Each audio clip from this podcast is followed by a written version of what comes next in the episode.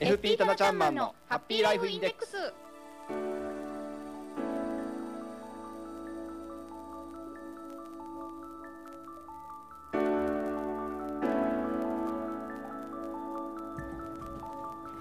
FP タナちゃんマンのハッピーライフインデックス。この時間はあなたの夢と未来をトータルサポートするライフサポート有限会社の提供でお送りします。私たちと一緒に明るい未来幸せな生活になるためのマネーライフを考えてみませんか？この番組では皆様からの疑問質問を受け付けています。宛先はメールにて浜園専用アドレス hama アットマーク p-wave.ne.jp ハマアットマーク p-wave.ne.jp です。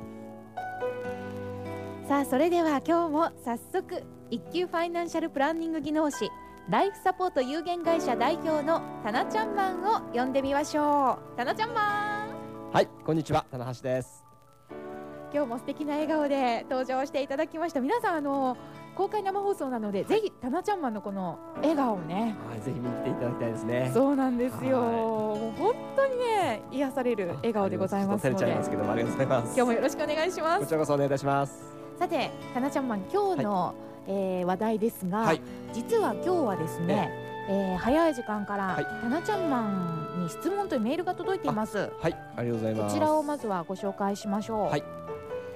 えーこちらの方、ちょっとラジオネーム後から面白いので紹介なんですが、はい、タナちゃんマンのコーナー係へ。森永乳業や明治乳業など、えー乳製品の会社が先週牛乳の値段を30年ぶりに上げることを発表しました、牛乳の値段が上がるということでチーズの値段も上がることが発表されました。今後その他にどのようなものの物価が上がると思いますか？純ちゃんの好きなチーズの物価上昇によってピザの値段も上昇するのでしょうかと私がチーズ好きということもしっかりとあのーね情報を知ってていただいてるんですけれども。ね熱烈なファンなんでしょうかねどうなんでしょうかね。は チーズが大好きで言い過ぎてるのかもしれませんけども。ね。はい、はい。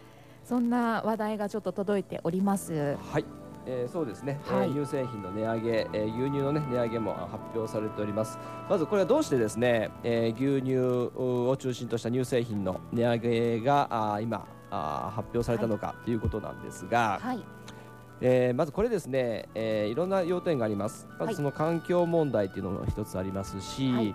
えーバイオエンジンのねバイオディーゼルの燃料として穀類をね非常に、えー必要としている。うそれによって、えー穀類がの値上がりがあーかなり高騰しているというはい。ところがありますよね。であのーじゃあどうしてそれが牛乳の値上がりにつながるのかということなんですが、えー、穀類特にそのトウモロコシですね。トウモロコシの値上げ、えー特にこのお環境問題によって生産量が落ちている。そこに、うんうんえー対してですね、はい。バイオディーゼルのお燃料にするために、はい。えートウモロコシの需要が増えているんですね。で、えーご存知のように牛乳というのは、牛のお乳ですよね。そうですね。牛から取れる、はい。でそのお家畜のですね、はい。飼料となる、まあ、うん。食べ物ですね、はい。餌になる飼料の原料となるトウモロコシがはい。不足をしているということで、はい。えー家畜農家の方がす非常にですね今苦しい立場に置かれている。というところでであの牛乳の値段が上上がってたというところなんですうね。ん。バイオディーゼルを作るのには、えー本当にそれ用にまた新たにトウモロコシを作らないといけないんですね。はいあの例えば人間とかそういう動物の飼料になるもののはい。廃棄分から作るというわけででははないんですよよね。ね。。特にそれによってですね、はい。あのブラジルのアマゾンのね森林地帯のはい伐採ですね,、破壊が進んでますので、はい。それに、えーそこをアマゾンの、ね、森林地帯はあのえーえねあの切り崩して、はい。トウモロコシえー畑にしようとしているんですけれども、はい。えー森林が伐採されることによって雨が降らない地域が出てきたりとかですね、え非常にすごい今あー環境問題が問題になっております。そそのもう悪循環になっているんですよね。うん。その中であのどうしてもお家畜を、おそ育てていく上で必要な飼料が不足をしてきている、もうそういったはい。悪循環によって牛乳が値上がりをしていくそうなんですよね。なんかちょっと話題もちょっとずれちゃいますけど、環境にいいための、ね、はい燃料としてのバイオディーゼルっていうのがちょっと別の方向で環境破壊につながってそうますもんますよね。そうですよね。は。はいまあそれもちょっと考えものかなと思うんですが、い。はい。そんな原因はで牛乳そうが値段が上がっている。上がっている。はい。と当然牛乳がね、えー値上がりすれば当然牛乳を原料とするチーズあるいはバター類なんかも値上げ、えー上がりますよねやっぱり。ね、そうですね。やはり原料が上がればというところですよね。ええ。はい、ただまあそれは今後ねやはりそのそれぞれの企業さんのね企業努力によって、はい。えーどこまでで抑えられるのかというところも出てくるとは思いますけれども、はい。まあ、一般的なその市場原理あるいはその需給バランスからいくとですね、やはり値上がりはあー致し方ないのかなというふうな、が思います。そうですね、は今後でもその牛乳の値段一旦上がったらもうそのままずっとキープでそれから下がるってことはなさそうですよね。そうですね。なかなかね、こう一回上がったものはええ。下がるということは難しいのかなガソリンですとこう上がったり下がったりっていうのがありますけども。相場がありますからね、はい。生産の場合はそればかりではありませんのでね。うん。はなるほど、い、はい、まあじゃあチーズの物価上昇によってピザの値段っていうのはまあそのピザのね会社それぞれによってまあ違うそうですね、まあ、企業努力によってねしばらくは据え置かれるかもしれませんし、はい。それに連動してやはり値上げをされるかもしれませんっていうところだと思いますけどね、わかりました、クリスマス前でピザの需要も増えると思いますけどね。そうですね。ははい。さて、えーもう一つねこの方、はい。質問がありまして、はい。えー話は変わりますが、い。もったいないとため息をついている A ちゃんこと矢沢永吉さんの CM で話題の大手ソニー。いはい。えーちょっとこの企業名も出てますけれども、はい。先月の下旬に UAE のドバイ政府系ファンドがソニーに対しての投資を表明しましたねと、そこでタナちゃんマンさんに質問です、えー今その株式は買いですか？と すごくピンポイントで来てますけど。なるほど。これははい。どうなんでしょうか、はいありがとうございます、えーはい。かなり、えー高度なかなり在宅というかね投資をやっていらっしゃる方なんでしょうかねはい、えーそうですね。はい。えーちょっと申し訳ないんですけれども、あのファイナンシャルプランナーという立場でですね、あの投資顧問ではありませんもので、はい。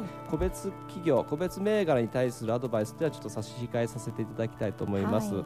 あの個別銘柄に対するですねご質問、えーだとかご相談はですね、はい。ぜひともあの投資顧問業者さんあるいはその証券会社さんの,、えーの方にお問い合わせいただければと思うんですが、はい。えーその投資タイミングあるいはそのいう情報としてはですね、えー外国系の、えーファンドですね、はい。えーのお投資がどういう動きをしているのかっていうのを見ていくのも一つのお方法だと思いますのですごくあの研究していらっしゃいますので、えーええ。その辺はですねぜひぜひぜひぜひこのこれからもおそういう形でですね、えー研究をなされたらいいのかなと思います。そうですね。かなり詳しくいろいろ情報にもね、敏感でいらっしゃる方みたいですそうのでですね。最近ではその中東の国のファンドであったりとか、あとロシア系のですね、はい。ロシアの政府系のファンドであったりとかいえ。えうところがよくね、日本企業の、お買い取りだとかですね、TOB なんか行われているようですのでねそういうところもねあの見られていいかれればあの、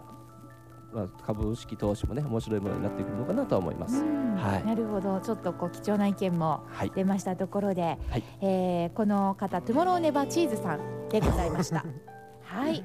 ありがとうございます。今日はね、質問に中心にお答えをいただきましたけれども、はい。さてタナちゃんマン、えー今年はもう、えー幸せマネー教室終了しましたが、はい今来年の予定も決まったみたいですね。そうですね。はい、来年はですね、まず第1回目が1月の第,、第3土曜日19日。ですね。はい。はい、生命保険コースとなっていますね。はい。そしてその他の資産運用コースもまた2月から始まりますので皆さんご参加ください、はい。参加は無料となっています、はい。お問い合わせはライフサポート有限会社まで334の8111までお問い合わせください。さあたなちゃんマン今日もありがとうございます。こちらこそありがとうございます。FP タナちゃん版のハッピーライフインデックスこの時間はあなたの夢と未来をトータルサポートするライフサポート有限会社の提供で浜園サテライトスタジオからお送りしました。また来週タナちゃんマンとこの時間お会いしましょう、はい。ありがとうございありがましたとうございました。失礼します。